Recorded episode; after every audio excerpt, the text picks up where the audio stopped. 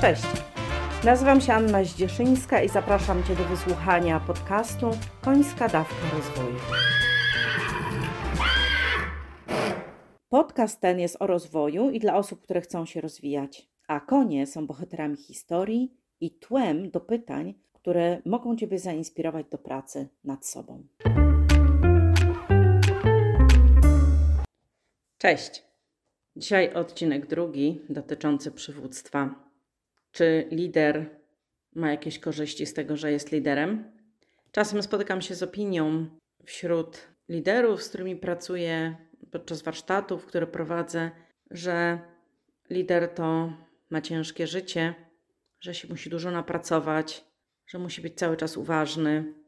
I właściwie ludzie mówią cały czas o odpowiedzialności lidera, a rzadziej mówią o korzyściach, które płyną z tego, że ktoś jest przywódcą. Dlatego biorę na temat właśnie korzyści płynące z przywództwa. No i jak to wygląda u koni? Czy koń, będący przywódcą stada, ma jakieś korzyści? Ano ma. Ma jako pierwszy dostęp do wody, czyli jeżeli jest jakieś ograniczone zejście, jakieś małe miejsce, z którego muszą pić po kolei, a nie mogą wszystkie naraz zaspokoić pragnienie, to lider pije jako pierwszy. Ma też zawsze najlepszy kawałek trawy. Ale też, co ważne, jeśli liderem stada koni jest klacz, to jej źrebięta mają wysoką pozycję w stadzie i mają też w tej kolejce do wody, do paszy, mają wyższą pozycję Czyli stado dostaje prowadzenie, dostaje bezpieczeństwo, dostaje pilnowanie, dostaje jasność hierarchii i dzięki temu może mieć też trochę beztroski. Natomiast lider no, ma pewne przywileje. Tak jest tu koni. A jak jest tu ludzi? Na liderze ciąży odpowiedzialność za decyzje, za dobór zespołu, pewnie wiele różnych odpowiedzialności wynikających z prowadzenia ludzi, z przewodzenia ludziom. Podejmuje ryzyko lider, nadaje kierunki, no zapewnia przestrzeganie reguł, ale też głosi te reguły, pilnuje wartości, więc dużo obowiązków.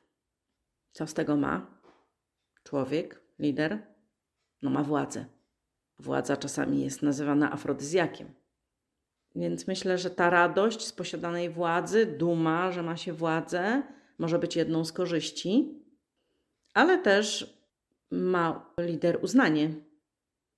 Myślę, że to jest bardzo ważna wewnętrzna korzyść, która daje satysfakcję, i to jest to, to uznanie jest nagrodą czyli ma się poważanie, ma status, ma władzę, ale też odpowiedzialność jest tym czymś, co czasami ludzie uważają jako dużą korzyść, czyli taka możliwość służby, taka chęć działania na rzecz innych i przewodzenie w realizacji celów na rzecz innych, to może też być nagroda. Czyli lider bierze na siebie pewien ciężar i obowiązki, natomiast zaspokaja swoje potrzeby. I teraz czas na rozważania dla Ciebie. A o jakich korzyściach lidera Ty myślisz? Czyli jakie korzyści może mieć lider?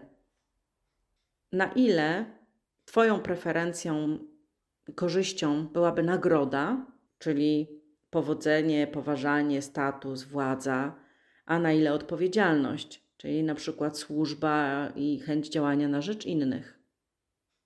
A może łączysz oba te podejścia? Dzięki za dziś. Pozdrawiam serdecznie w te upalne dni. Trzymajcie się. Pa!